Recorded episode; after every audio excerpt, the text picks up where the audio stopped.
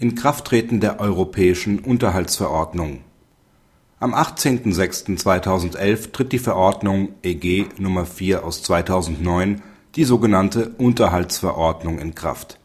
Damit wird ein weiterer Schritt in Richtung Vereinheitlichung des Kollisionsrechts in der Europäischen Union getan.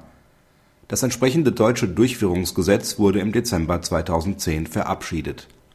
Die Europäische Unterhaltsverordnung schafft eine EU-weite einheitliche Regelung für die internationale Zuständigkeit, das anwendbare Recht und die Anerkennung und Vollstreckung ausländischer Entscheidungen.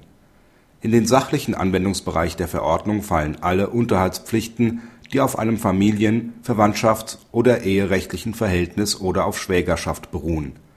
Für die internationale Zuständigkeit wird die seit 1.3.2002 wirksame Verordnung (EG) Nr. 44/2001 über die gerichtliche Zuständigkeit und die Anerkennung und Vollstreckung von Entscheidungen in Zivil - und Handelssachen ersetzt.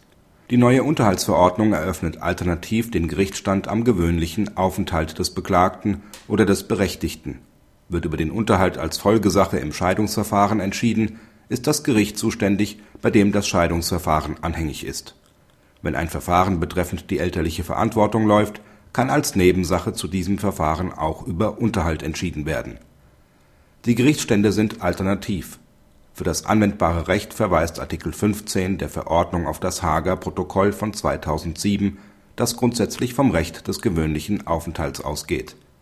Für den Ehegattenunterhalt findet gemäß Artikel 5 des Haager Protokolls von 2007 das Recht des gewöhnlichen Aufenthalts des Berechtigten keine Anwendung, wenn ein Ehegatte sich dagegen wendet und das Recht eines anderen Staates, insbesondere des letzten gemeinsamen gewöhnlichen Aufenthalts, zu der Ehe eine enge Verbindung aufweist.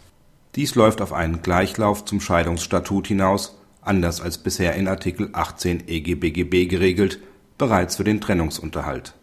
Artikel 18 EGBGB wird entsprechend an das Haager Protokoll angepasst werden müssen.